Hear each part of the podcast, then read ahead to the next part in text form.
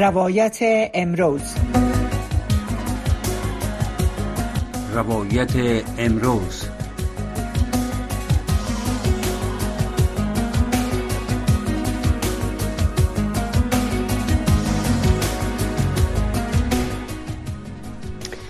عرض سلام و وقت بخیر دارم دوستای عزیز بیننده و شنونده. شما را به برنامه روایت امروز به میزبانی من سهر عظیمی خوش آمدید میگم.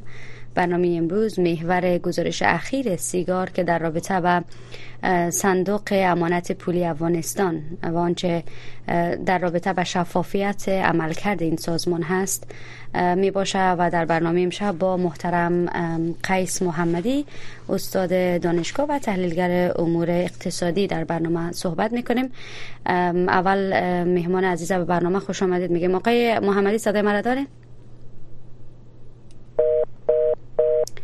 فکر کنم که در حال حاضر آقای محمدی رو در برنامه نداریم. تلاش می‌کنیم اون به برنامه بیاریم.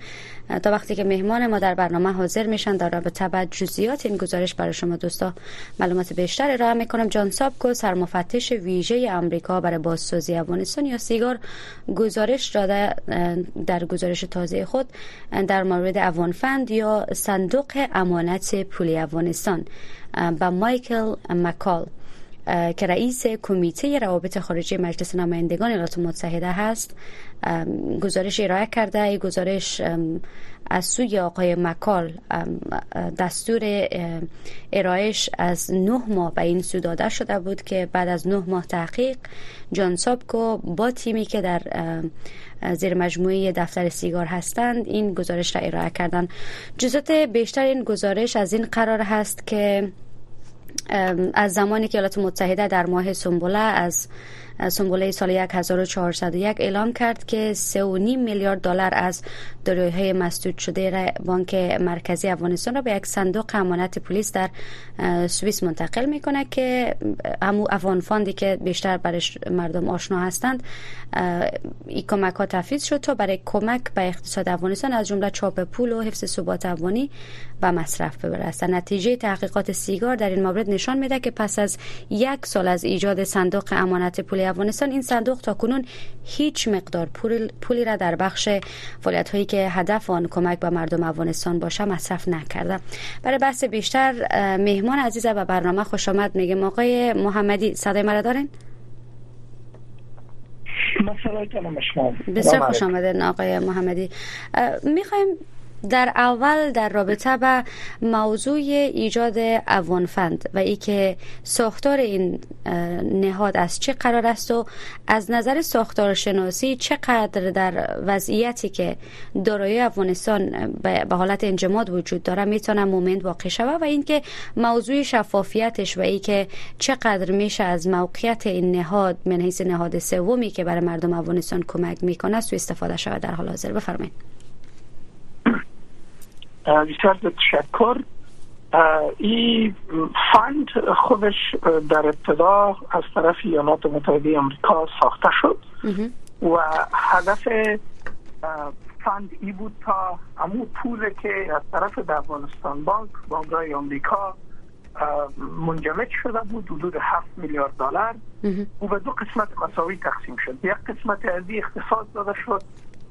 برای قربانیان حادثه 11 سپتامبر بله. که باید به اونا من حیث غرامت و تلافی داده شود و یک قسمت دیگه از انتقال کرد به سوئیس که از طریق بانک بی یا Bank for International Settlement برای مردم افغانستان داده شود قسمی که فایده از او به گروه طالبان نرسد.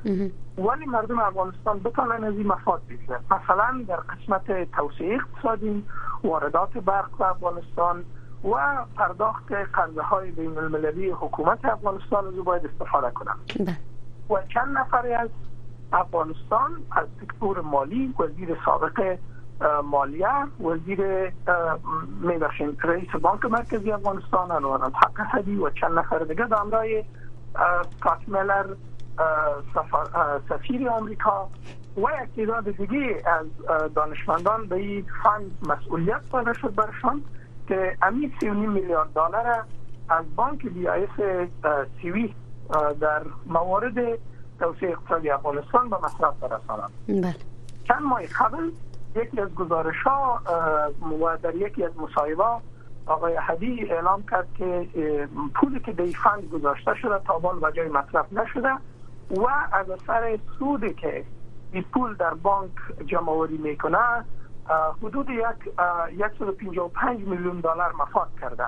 که این سود هر ماه اضافه میشه و شاید حدود 200 میلیون دلار رسیده باشد اما در مورد ازی که این پول چگونه به مصرف می‌رسه در کدام پروژه از استفاده میشه حال هیچ تصمیم قاطع در مصرف این پول گرفته نشده و پول هنوز به جای خود باقی مانده اگر که تقاضای حکومت طالبا همواره ای بوده که نه تنها 39 میلیارد دلار بلکه 39 میلیارد که در آمریکا وجود داره باید به مردم افغانستان گویا به حکومت و بانک مرکزی افغانستان داده شود تا اونا بتانند که از این پول در قسمت توسعه اقتصادی افغانستان استفاده کنند.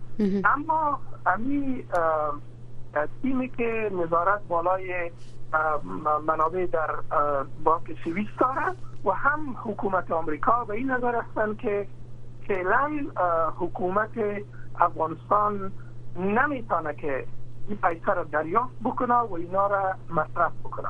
دلایل مختلف اینا گفتن که می‌تونیم بالای هم بحث بکنیم. بسیار به اون موضوع می‌پردازین دلایلی که چرا این دارایی ها در اختیار حکومت افغانستان در حال حاضر قرار نمی‌گیره؟ موضوعی خواهد بود که تا یک چند دقیقه دیگه برش می‌پردازیم. شما اشاره کردین که آقای انورالحق احدی از جمله کسایی هستند که در رأس برد این مجموعه افغان فند وجود دارند. یکی از اتهاماتی که همواره به حکومت قبلی افغانستان وارد می شده موضوع فساد اداری بوده و مسلما در اداراتی که سر و, سر و کار با پول زیاد داشتن در افغانستان وزارت اقتصاد و وزارت مالیه و بانک مرکزی افغانستان در این چارچوبی که شما اشاره کردین از این پول برای وضعیت و توسعه بهتر در افغانستان استفاده نشده. فکر می‌کنین بودن آقای انورالحق احدی چقدر در این پست باعث ایجاد اعتماد در بین مردم میشه؟ و دوم ای که چرا تا حال نتونستن این پول به مصرف برسانن؟ اگر قرار بود که در طول یک سال عمل, عمل کردی نداشته باشن بنان چرا اصلا این کار انجام میشه؟ چرا اصلا باید این پول انتقال پیدا می‌کرد؟ من می‌خوایم یک مورد دیگر هم اشاره کنم. قبل از اینکه به جواب بپردازم مردم که قربانیان حادثه 11 سپتامبر بودن از حکومت آمریکا خواستن 30 میلیارد دلار که در آمریکا وجود داره او را به اینا به مصرف نرسانه و او را هم گفتن که حق مردم افغانستان از باید به اونا داده شود. این هم یکی از موردی است که هنوز حل نشده. بله. در مورد اینکه که چرا این پول تا به هنوز به مصرف نرسیده چند مشکل وجود داره. از یک طرف آینده حکومت افغانستان بسیار زیاد روشن نیستن و با امکان زیاد که بعد در آمریکا واضح تر ساخته شود که با افغانستان چی و یک معامله صورت می‌گیره.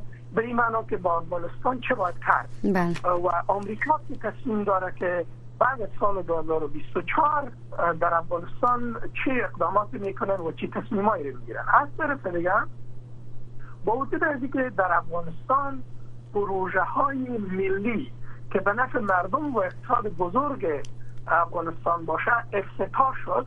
طالبا از بودجه خودشان برای پروژه ها پول تعیین کردن و قرار از به بپردازن. اما باز هم پول که در سوئیس وجود داره از اینا استفاده صورت نمی‌گیره. از یک طرف یکی از دلایل از امی عدم موجودیت وضاحت در قسمت نحوی مصرف از پول هستند بله. و از طرف دیگه بانک مرکزی افغانستان گویا هنوز آماده از نیست که این پول ها را دریافت بکنن. دلایلی که وجود داره است که گفته میشه که گویا بانک مرکزی افغانستان هنوز استقلالیت سیاسی نداره هنوز امکان داره که از سیاستمدارایی که در حکومت هستن اینا مورد نفوذ قرار بگیرن و هنوز قوانین تطهیر پول و قوانین پولشویی را نتانسته که در افغانستان بانک اطمینان به که به صورت کامل تطبیق کرده تا پولی که به افغانستان بانک میایه او بتانه بدون از که در افغانستان گویا تروریسم و, و پولشویی را حمایت بکنه به مصرف برسه این از دلایل رسمی است که روی زی بحث میشه و می‌تونه که این بحث باشه اما بعضی از دلایل که در جامعه با او نظر هستن مردم است که از یک طرف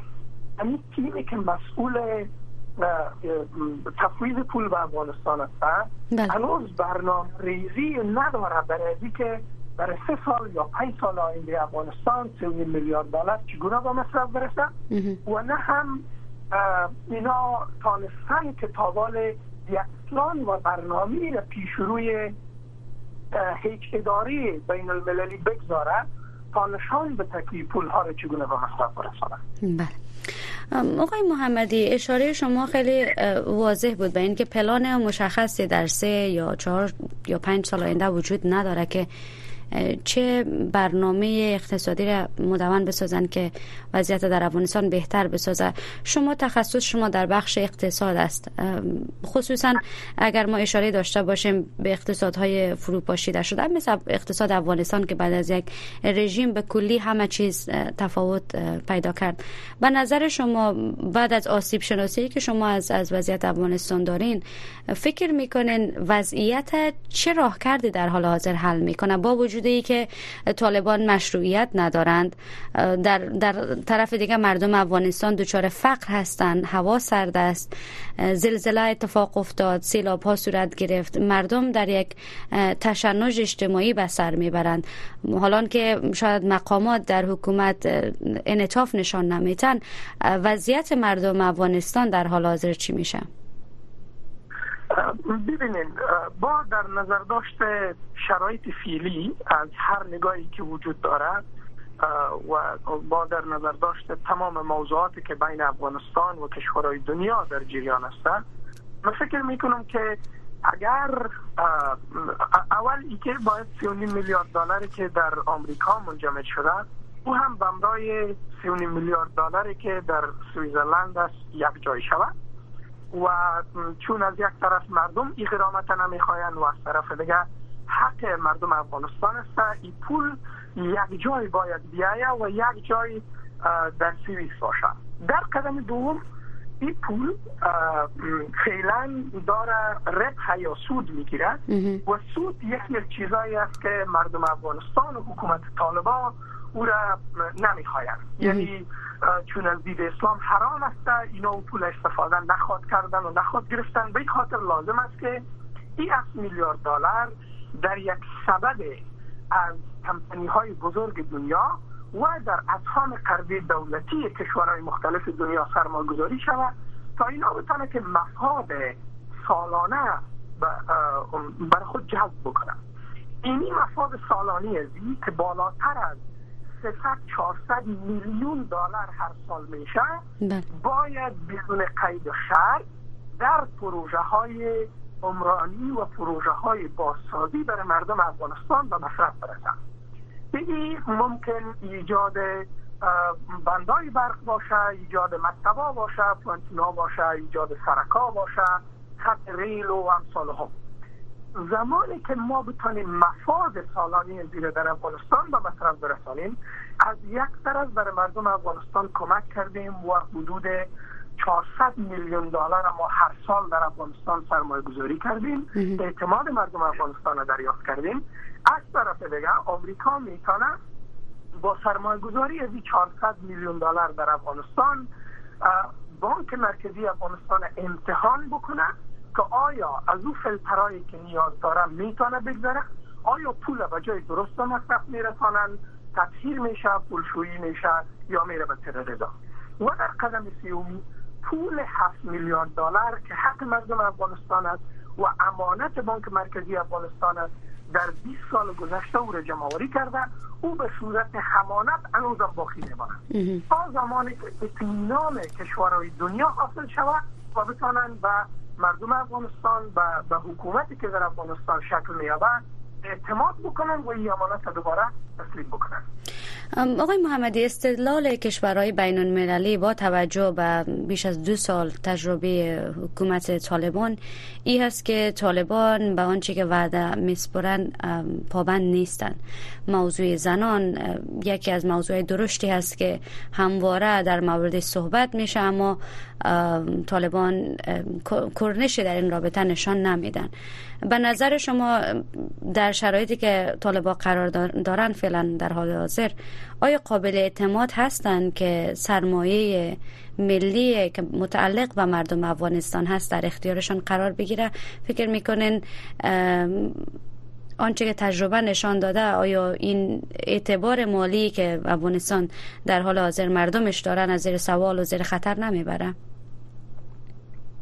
ببینید از یک طرف پیشنهاد بر این نیست که 7 میلیارد دلار کلش مجموعا دوباره یا حداقل 3 میلیارد دلار به حکومت افغانستان داده شد پیشنهاد به این است که مفاد به دست آمده از اینجا تو حدود چند صد میلیون دلار میشه تفویض شود. دوم من فکر نکنم که موضوع اینجا تنها وعده های حکومت گویا حکومت طالبان باشه که به پای اکمال نرسیده موضوعات بزرگتر در در جریان معادله وجود داره.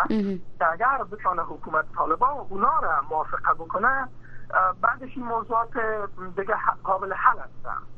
و این, این موضوعاتی که شما برش اشاره می‌کنین محمدی صاحب اگر کمی در مورد این موضوعات موضوعاتی که به نظر شما در این معادله وجود داره و شاید محور توجه در حال حاضر نیست چی می باشه در که بتونه در, در هر صورت کمک کنه به این که مردم چرخش اقتصادی بهتر داشته باشن. ببینید من می‌خوایم بگم که در کشورهای مختلف دنیا سرزنی های مختلف از حقوق بشر وجود داره. در کشورهای مختلف جنگ ها صورت می‌گیره. در کشورهای مختلف مواد مخدر وجود داره. در کشورهای مختلف خطرهای تروریستی وجود داره. بله. ولی او کشورها زیر این رقم یک منجمد سازی فندشان نیستن.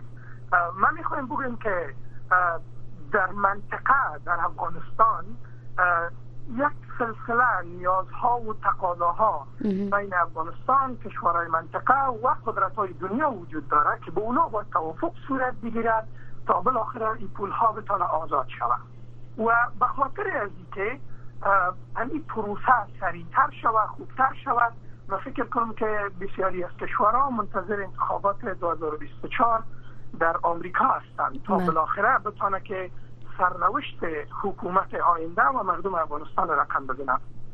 بله. جناب آقای محمدی می‌خوایم که دوباره سر این موضوع شما اشارات کردین. گفتین کشورهای در جهان وجود دارن که حقوق بشر نقص می‌کنن اما محدودیت هایی که در افغانستان فعلا وجود داره قابل مقایسه نیست با کشورها. طالبان در در نشست قطر با توجه به یک سری تعهدات قدرت در افغانستان به دست آوردن. به نظر شما دوباره می‌خوایم تکرار کنم با وصف این که طالبان پابند تعهداتشان با آنچه که در این توافقنامه با ایالات متحده داشتن در دو سال اخیر نبودن. آیا فکر می‌کنین دادن وجوه مالی که متعلق به مردم افغانستان هست و طالبان این این این وجوه دوباره با خطر مواجه نمی‌سازه یا به نظر شما طالبان مورد اعتماد هستند میشه که در قسمت های امرانی در پروژه اقتصادی چیزایی که مردم کمک کنه که اقتصادشان بهتر شود کمک کنه اونا را؟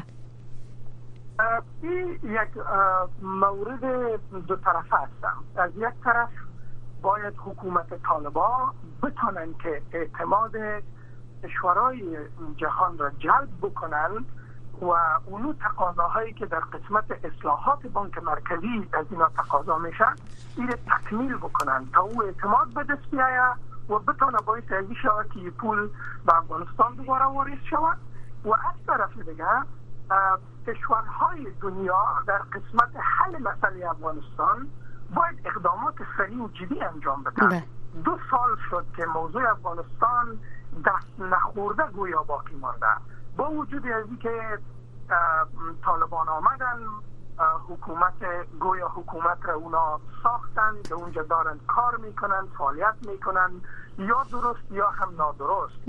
ولی یگانه چیزی که کشورهای دنیا تا به امروز می‌کنه تقاضاها هست صرف گفتنی ازی که چه باید انجام بتین اما عملا راه کرده باید پیش روی حکومت گذاشته شود با اینا بیشتر صحبت شود با اینا تفاهم بیشتر شود تا بالاخره طالبا بتانن که اقدامات را انجام بتن تا باعث نه تنها آزادی پول شود بلکه تعیین کننده حکومت آینده افغانستان هم شود. این حکومت می‌کنه به چی نوع حکومت می‌کنه آیا انتخابات برگزار میشه؟ نمیشه.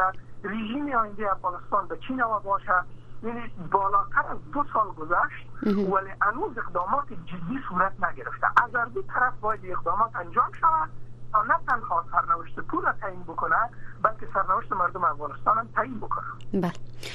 آقای محمدی در گزارش سیگار آمده که در حال حاضر رئیس بخش استخبارات مالی بانک مرکزی افغانستان توسط هدایت الله بدری رئیس این بانک و دو معاون وی که همه در فهرست دهشت افغانان امریکا قرار دادن تعیین میشن.